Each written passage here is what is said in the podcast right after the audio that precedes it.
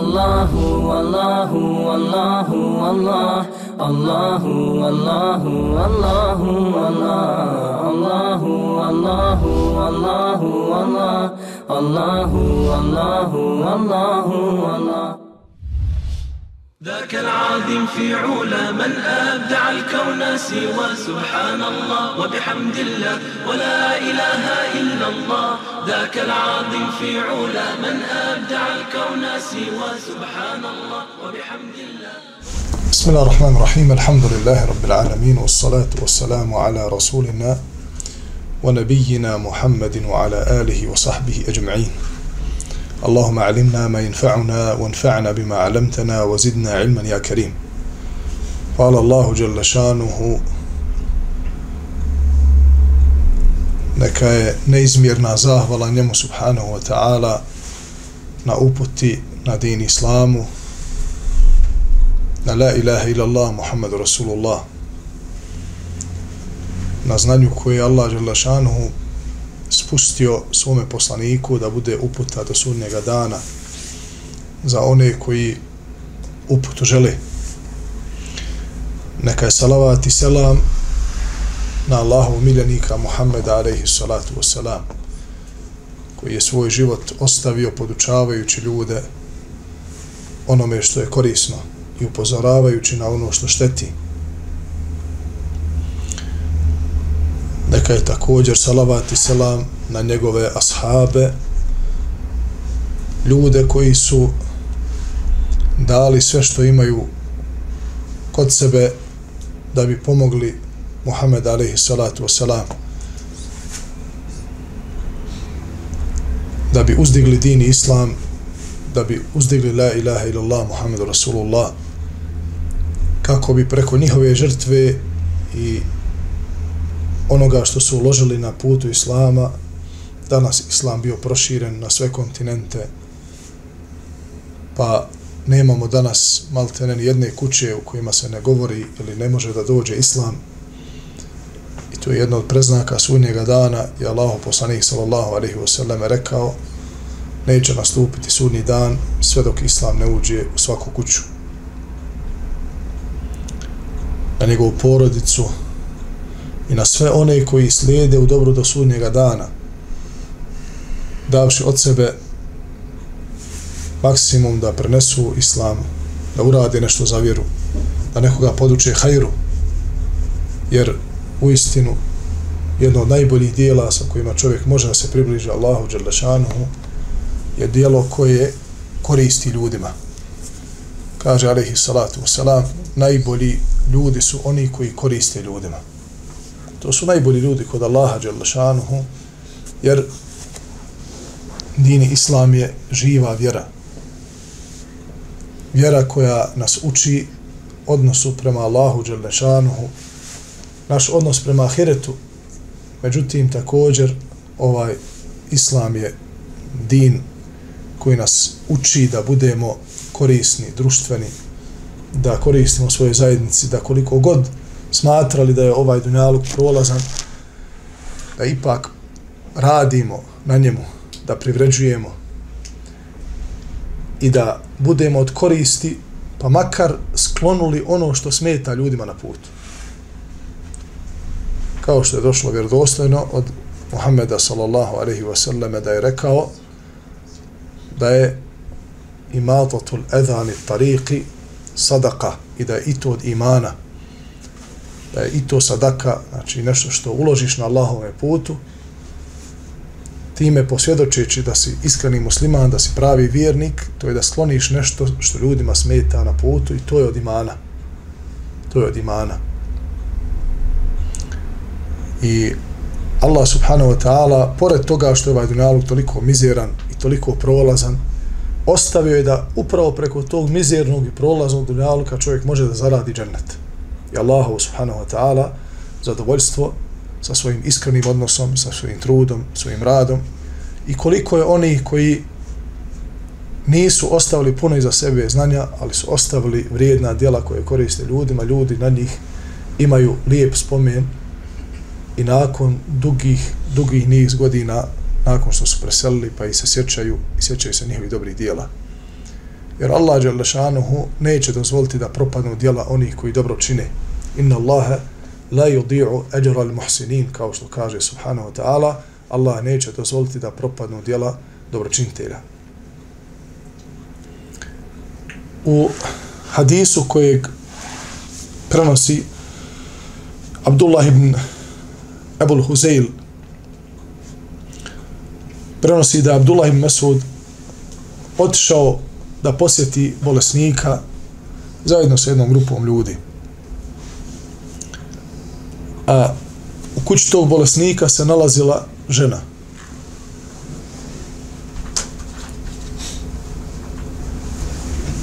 Prije u to doba nisu svi ljudi imali mogućnost da prave velike kuće.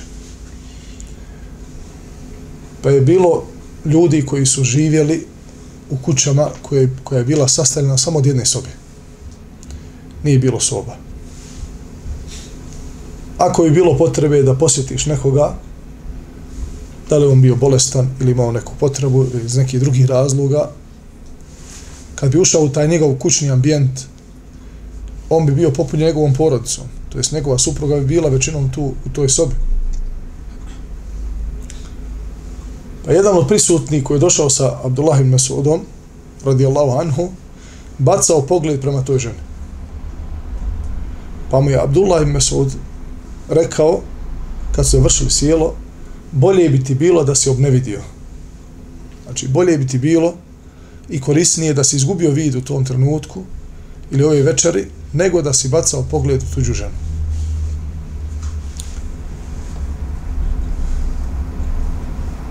To jeste čovjek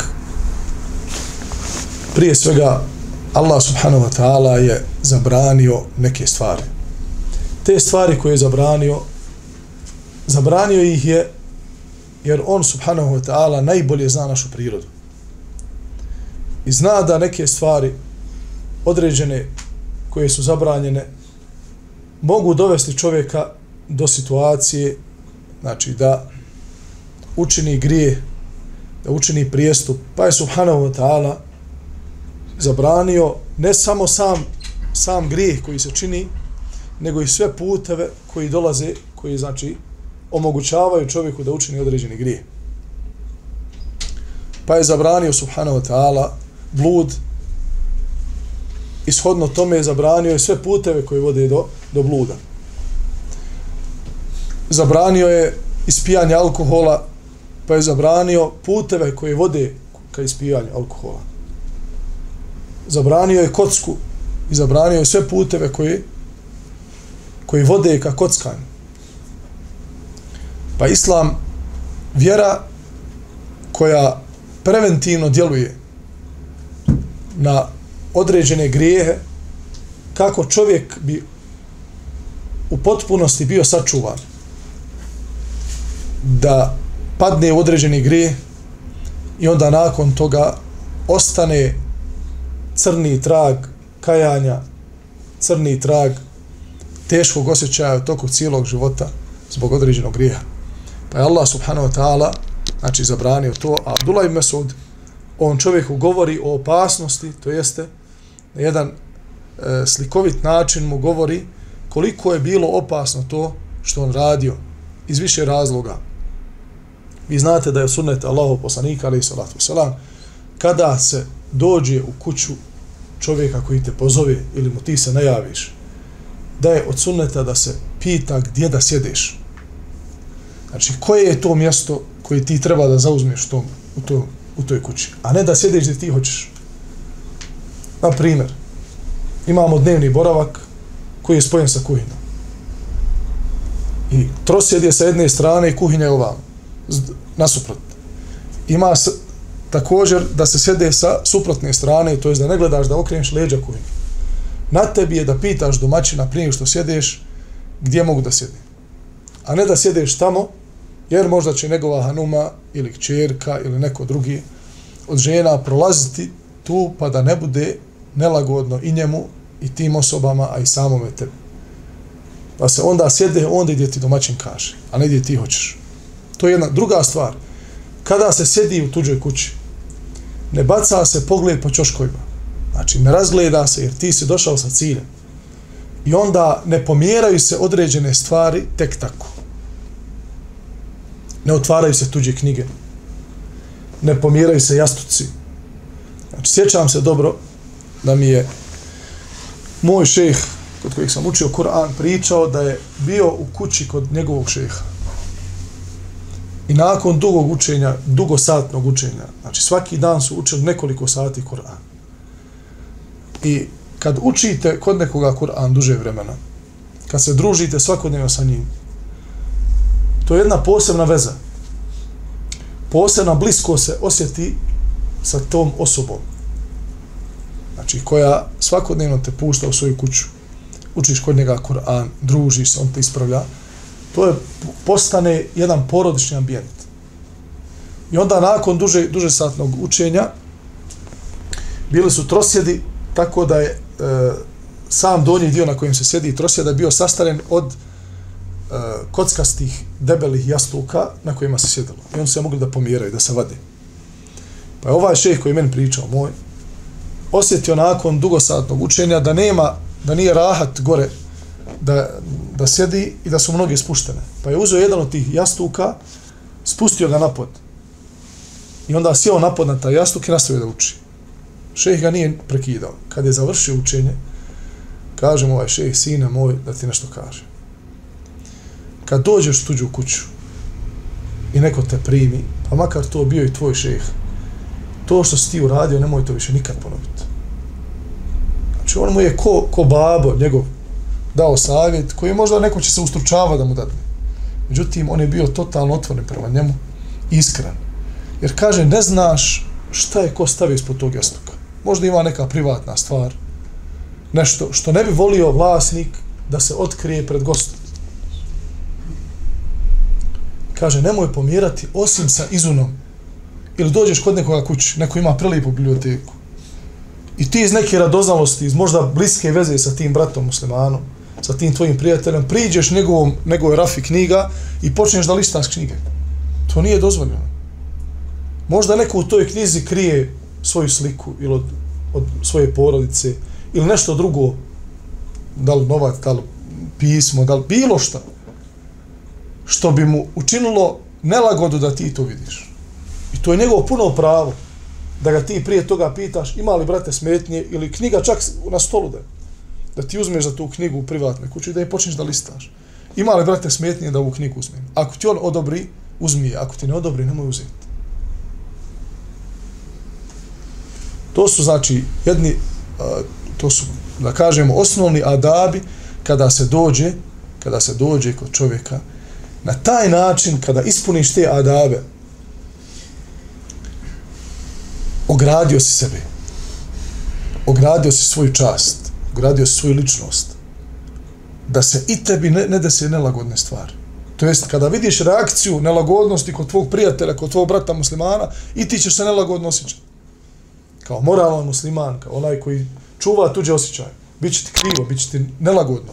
Zašto se osjećaš, osjećaš tako? Tako da je islam je, znači, kada je udario temelje zdravog ponašanja, zdravog morala, udario je preventivno, da izbjegneš svaku nalagodnost. U onoj mjeri koliko se budeš držao načela islama. Toliko ćeš biti sačuvan od tih nalagodnosti.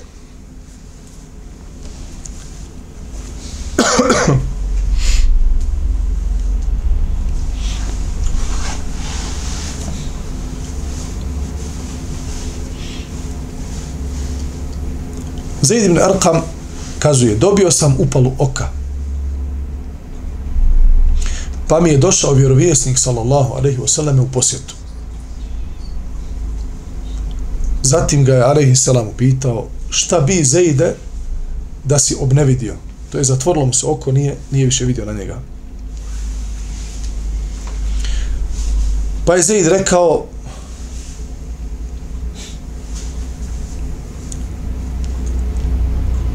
kaže kale kuntu asbiru wa ahtasib nije htio znači Allahu poslanik sallallahu alejhi ve sellem ga pita šta bi pa si došao do tog stadija da si obnevidio što nisi odmah na samom početku čim si osjetio neku upalu čim si osjetio da te, da te boli, zašto nisi krenuo da se liječiš?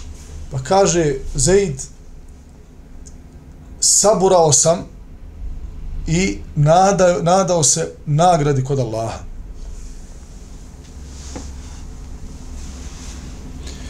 Kale, to jest rekao Allahu poslanik, leo enne ajneke lemma biha thumma sabarte wa ahtasabte kane thawabu kal dženne. Kaže, to tvoje gubljenje vida i tvoj sabor i nada u Allaha Đelešanuhu za nagradu, kada bi ustrajao na tome, zaradio bi džennet. Ovaj hadis je poruka svakom onome ko ima trajnu bolest. Da li to bio diabetes?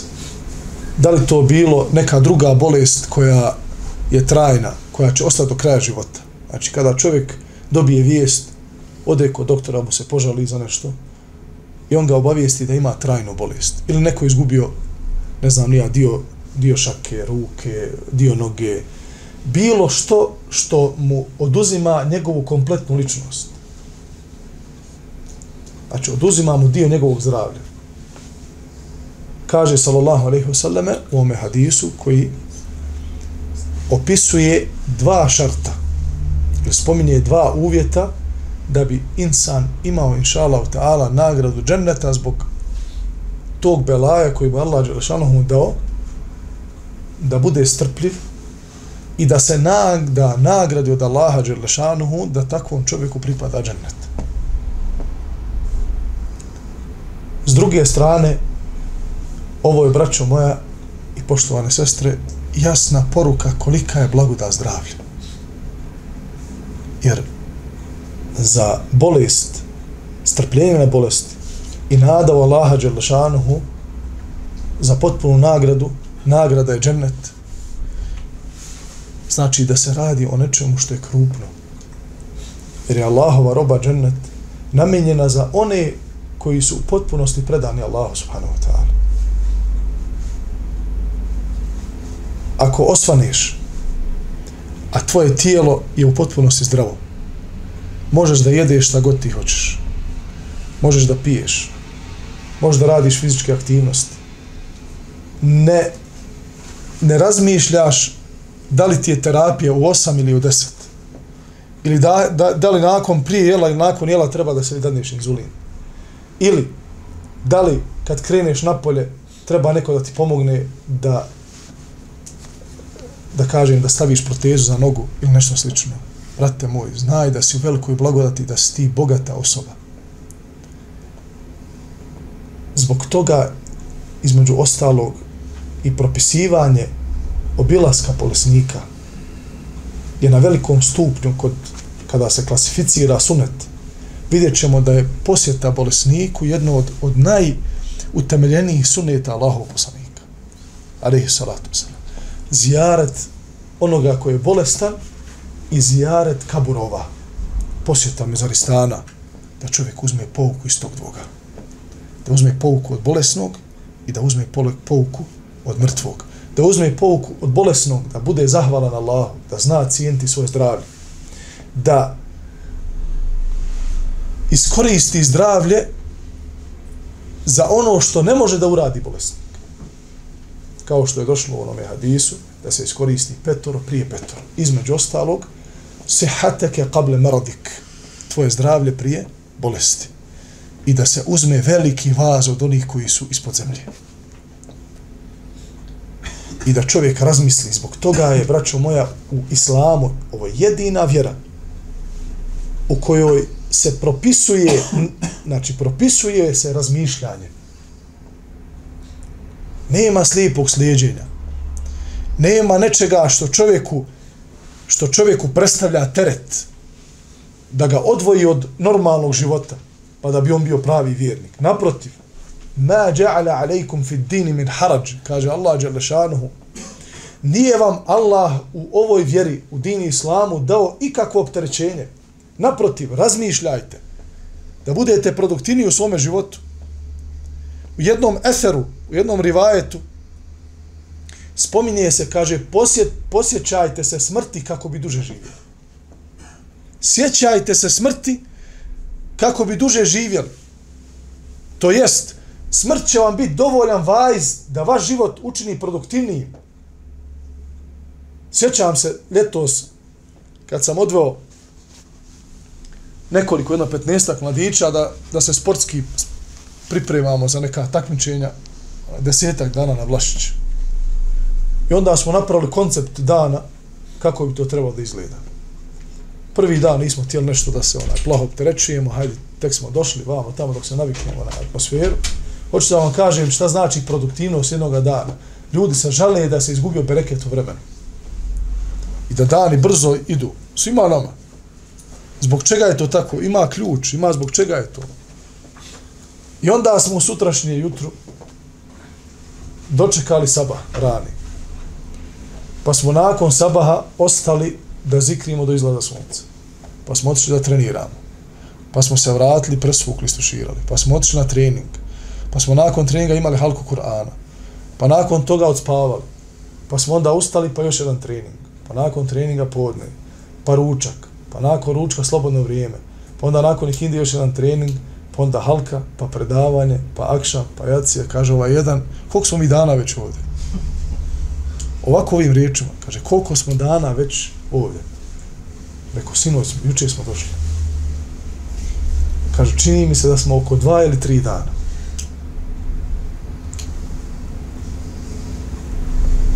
Jer kad odeš na mezaristan i sam ovako razgovaraš tiho sa onima koji su ispod zemlje, razne ćeš odgovore dobiti na pitanje. Jer čovjeka ponese, ante ove, pogotovo ove velike građevine oko nas, zgrade. Ne vidiš ti plaho tu ni horizonata, ne vidiš ti tu ni zvijezda, ali, znači, kad ste zadnji put mliječni put, onaj, mliječni put vidjeli na nebesima? Ja sam zadnji put vidio kad je nestalo struje dva dana bilo na gore na Vlašiću. Neko je oborio drvo na dalekovod, pale, pale je na one žice dalekovoda i nestalo cijelom tom području struje, dva dana i dvije noći nije bilo. Aj, vratilo nas unazad, pekli ona rani na drva, to je ekstra bilo, nije bilo mobitela, nije bilo ništa, rele se ugasio sve. I onda smo vidjeli mliječni put. Onda smo obratili pažnju na stvari koje su, koje jesu ta nekakva priroda naša boravka na ovome svijetu. Komunikacija među ljudima, zdravija, nema, nema prijema. Znaš, ne, ne čuješ se s onima što su daleko, nego upravo s onima koji su pored tebe. Izađeš na večer, nema da nešto gledaš, nema wifi, nema nešto. Počneš normalno ponovo da, da živiš. A bereket nam je uzelo mnoštvo onoga što nam skreće pažnju sa primarnih. Znači ono što je sekundarno nekakva sekcija koja se nalazi oko nas. Da li to bio Wi-Fi prijem, da li to bilo internet, da li to bilo bilo koje drugo sredstvo koje nam uzima, krade nam vrijeme. I toga je sve više i više oko nas. I zbog toga osjećamo da nam je život brz i da nije, nema, nema te normalne dinamike, nema rasporeda vremena. Ne zbog toga što, jer imamo dvije osobe koje će u jednom kvartu, čak možda po jednim krovom, proživjeti jedan dan, jednom će proletiti dan ovako i neće ništa iskoristiti, a drugi će biti produktivan. Zbog toga je posjećanje bolesnika da se podsjetiš na zdravlje i da budeš zahvalan Allahu Đelešanu i da osjetiš bogatstvo zdravlja. S druge strane, da i sam bolesnik ima od toga koristi. Jer drugačije kad podijeliš problem sa svojim bratom muslimanom. Mnoštvo problema, mnoštvo poteškoća, kroz koje svi mi prolazimo na dunjalu. Znači, ne postoji čovjek pod nebeskim svodom koji može sebe sa nečim što je materijalno i nečim što je duhovno, da može sebe da ogradi da mu iskušenja ne dolazi. Ne postoji ta osoba. Znači, nema te opcije koja će te ograditi da budeš sačuvan od iskušenja i od nelagodnosti, problema i poteškoća u životu svakome ona dolazi. Ali je zasigurno jedno, da ako svoj problem razgališ i podijeliš sa onima koji su oko tebe, sa svojom porodicom, sa svojim prijateljima, sa braćom muslimanima, već će pola pasti u vodu. Zbog toga jest obilazak bolesnika, jer u istinu čovjek kada je bolestan, izlazi iz okvira svog prirodnog svakodnevnog života i biva mu teško. Nije mu lako. Ebu Bekr radijallahu anhu kada je došao u Medinu zajedno sa poslanikom Muhammedom alaihi salatu sa ostalim ashabima obuze, obuzila često ih je obuzimala groznica, huma. I bolila ih je glava non stop stalno ih je bolila glava zbog medinske klime. Pa jednog do, dana došao Allahom poslaniku sallallahu alaihi ve sallame i podigao glavu prema nebesima i kaže Allahom poslaniće dokle? Dokle više ovako, pa je čak i stihove, imaju znači stihovi koje otpjevao Ebu Bekr, želeći se na stanje u kojim se nalazi. Ja non stop glava boli. Sada je to dosta manjoj mjeri u Medini. U neznatoj mjeri kako je bilo tada dok nije Allah poslanik sallallahu alejhi ve selleme dovio Allahu dželle da otkloni tu glavobol iz Medine i da je pošalje na na jedno od dolina koji se nalaze u blizini Medine i čak je spomenuo ime da Allah moj otkloni glavobolju, otkloni homu iz Medine i pošalje na tu i tu dolinu. Znači nisu mogli da izdrže. Pa se zbog toga prisjećali Mekke, ljepote klime tamo jer je mnogo vlažnija klima, mnogo je prijatnije biti u Mekke nego u Medini. Znači čovjek kada je bolestan nije u prirodnom svom stanju.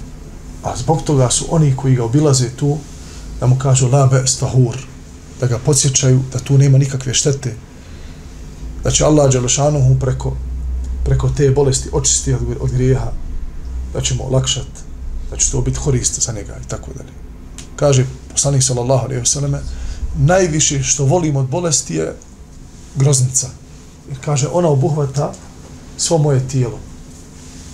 I u istinu je čovjeku zbog toga i zabranjeno i pokuđeno da kudi groznicu.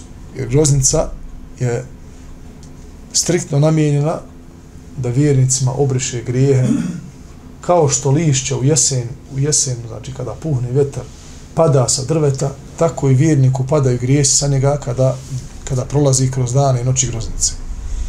Znači u toj mjeri se osipaju grijesa njegovog tijela sa svih dijelova tijela njegovog znači se osipaju grijesi koje je do tada činio.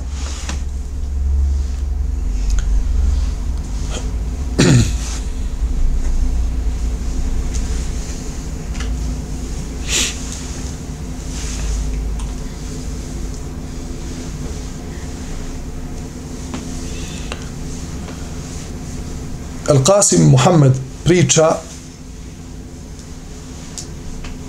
da jedan od ashaba, nije mu spomenuo ime, nakon smrti Muhameda sallallahu alejhi ve selleme izgubio vid. Pa mu je otišao da ga, ubi, da ga obiđe.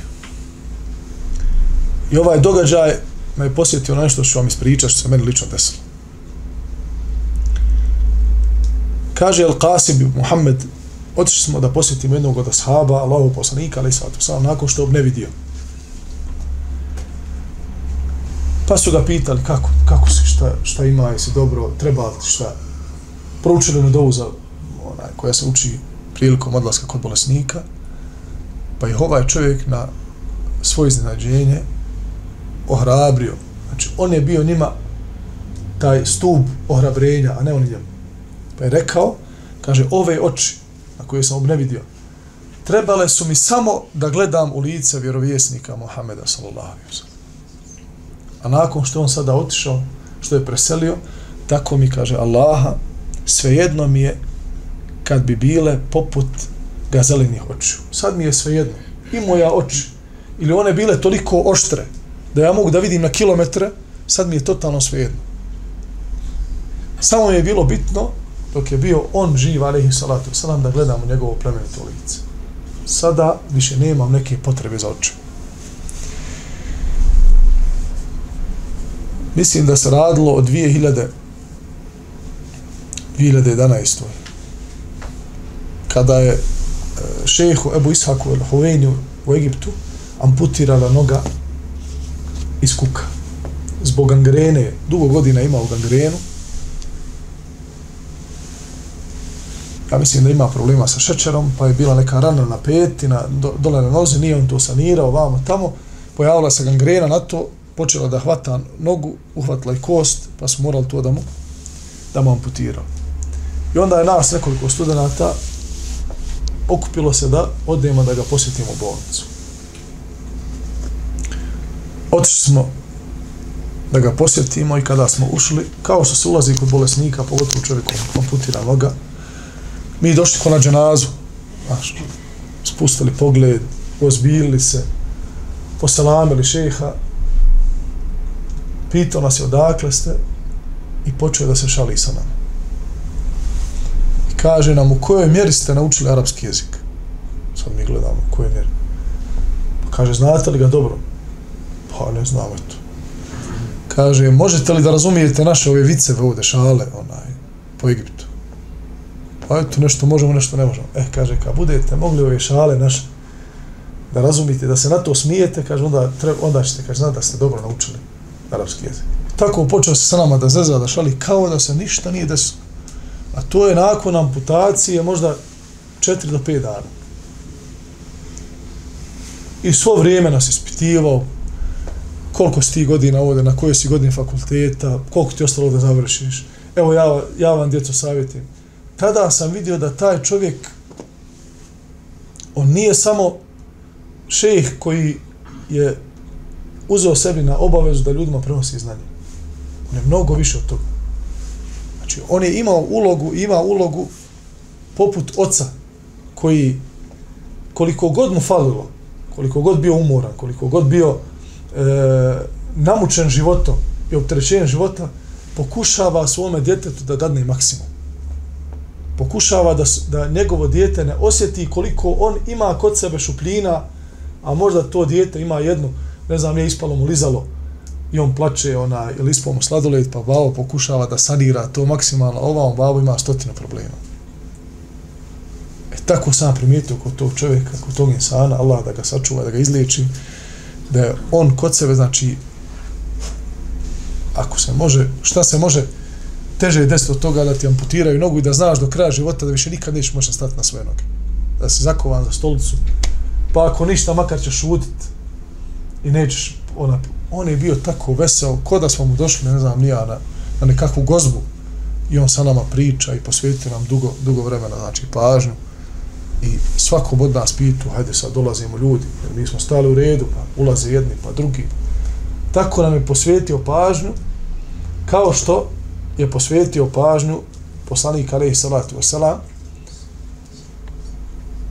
jednom čovjeku koji je nakon što je sjedio sa njim alaihi salatu wasalam i toliko je bio prema njemu ljubazan i toliko je posvetio prema njemu pažnje i toliko se koncentrisao na njega da je ovaj čovjek pomislio svojim prsima da je on najdraži Allahom poslaniku Medine. Pa onda htio to da provjeri. Kaže mu, Allahov poslaniče, koga najviše voliš? Kaže Ebu Bekara. A kaže, onda koga? Mislići da će nakon Ebu Bekara spomenuti njega. Pa kaže Omera. Kaže, nakon ne, Omera koga? Kaže Osmana, pa sam zašutio. Nisam tio više rode. Gotovo, već sada putanje odlazi. Ali Allahov poslanik znao da dadne svakom čovjeku njegovo pravo. Danas, kada otvorite bilo koji klip koji govori o tome kako ljudi trebaju da, da se obhode jedni prema drugima, koliko je bitno u savremenom svijetu sada tehnologije, mobitela, raznih drugih sredstava koje nam odra, odračaju pažnju od, od sagovornika, koliko je bitno znači da čovjek kada razgovara sa nekim 50 minuta, da se posvijeti njemu, da bi ta druga strana osjetila da ima vrijednost. Do te mjere, da kaže, čak samo vađenje mobitela i stavljanje na sto, donekle pokazuje drugoj strani da, ok, ja sjedim s tobom, ali ja, u slučaju da dođe telefonski poziv, ti si manje bitan. Znači, ako uistinu nekoga cijeniš, čak i ovaj mobitel, skloni ga tu negdje, stavi ga sa strane, 5-10 minuta, reci, brate moj halali, ja ne mogu više, ali to 10 minuta, neka, neka ostane za njega. I to će mnogo biti upečatljivije nego da ostaviš sa njih dva sata, ali to dva sata ide noga preko noge, malo u njega, malo u mobitel, malo u njega, malo u mobitel. Znači, to dovoljno govori da li je tebi stalo do tog čovjeka ili ne. Tu osobinu je imao, alaihi salatu wasalam, između ostalog, i to je jedna od osobina koja je plenila ljude oko njega. Koja je plenila ljude oko njega, čak i njegove neprijatelje. Nisu mogli da ostanu ravnodušni njegov moral, njegov iskren odnos i njegovu suštinsku želju da svi ljudi budu salnici džemeta. I to su bile, braćo moja, to, to je bila zadaća Allahovi poslanika. Da ljude sve, koliko je god moguće, maksimalno, uvedu u džennet. Ne gledajući koje su rase, ko su ti ljudi, kakva je njihova prošlost bila, šta su oni do tada uradili od zla.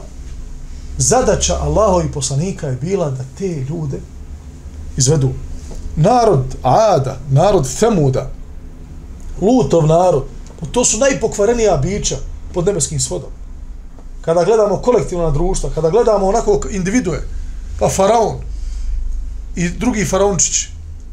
to su bila najgroznija, najogavnija bića pod nebeskim svodom.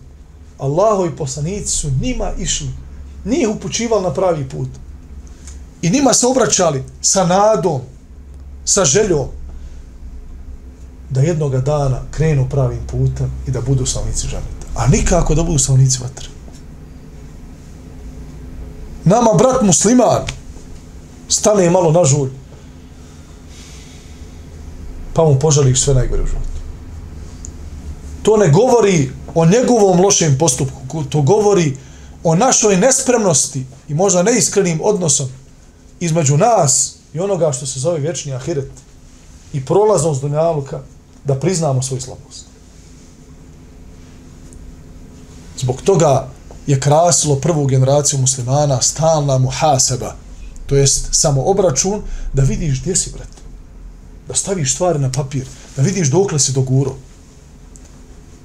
Je li uistinu ono što ti radiš i ono, ona tvoja svakodnevnica ili tvoj pravac kretanja, je li uistinu to pravi put? Je li to ono na čemu su bile prve generacije muslimana ili ne? Nije brzina kretanja ili nije uspjeh u kretanju to da ti brzo ideš, nego da vidiš kojim pravcem ideš. Jer ima ljudi koji idu brzo, ali idu u suprotnom pravcu. Jesu ništa postigli, samo mogu da, znači u ovoj, ovoj saobraćanoj terminologiji, samo mogu napraviti belaj. Bitno je, brate moj, da ideš pravim putem. A onaj ko ide pravim putem, Allah Đelešanu ga pomaže. Pa će mu dati snage da ustraje i da ide brže preko svojih mogućnosti.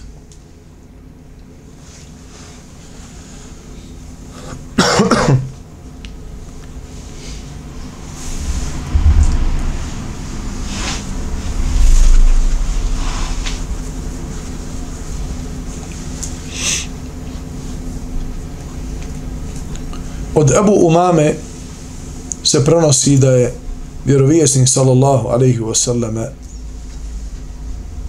rekao, rekao je uzvišeni Allah Želešanu o sine Ademov kada ti uzmem ta tvoja dva draga oka pa se u tom šoku u tom iskušenju, u tom belaju strpiš nadajući se nagradi neću biti zadovoljan da ti nagrada bude bilo šta pored dženneta.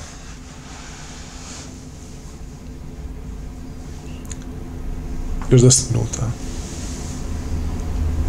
Neću se, neću biti zadovoljan da ti nagrada bude bilo šta pored dženneta. Sljepilo, istinsko sljepilo, je sljepilo srca jer Allah Đelešanu kaže fa innaha la ta'mal absaru walakin ta'mal qulubu allati fi sudur. U istinu nisu slijepe oči. Nisu ova dva oka slijepa pa da ne vide pravi put nego je slijepo srce u grudima. Koliko je samo ljudi koji ne mogu da vide ovo dunjalučkim očima ono što se nalazi oko njih, oni su na pravom putu. Njihovo srce gleda, njihovo srce vidi a koliko je onih koji imaju oči. I ne samo da nisu na pravome putu, to je da nisu na istikametu, nego i nije ču onoga koji ih je stvorio. Danas se svjetske firme natiču i ponose se time da imaju kamere 4K, ne znam, nija sad ima 6K, ja mislim da je. Pa imaju toliko megapiksela, pa mogu da približe na ovu daljinu. Naše oko koje je Allah Đelešanuhu stvorio, nastali smo od kapi, od kapi, pa smo bili ugrušak, a, pa smo se razvili, pa smo utrobi svoje majke prošli jedan cijeli ciklus, pa nismo vidjeli, pa smo došli na ovaj svijet, pa je trebalo određeni rok da primijetimo stvari. Bilo nam je mutno, je Allah Đelešanuhu mudar, on je savršeni stvoritelj. Nije nam dao da čim izađemo iz utrobe majke, da odmah progledamo i vidimo svojim očima. Jer bi to obnevidilo naš vid nakon tmina od devet mjeseci.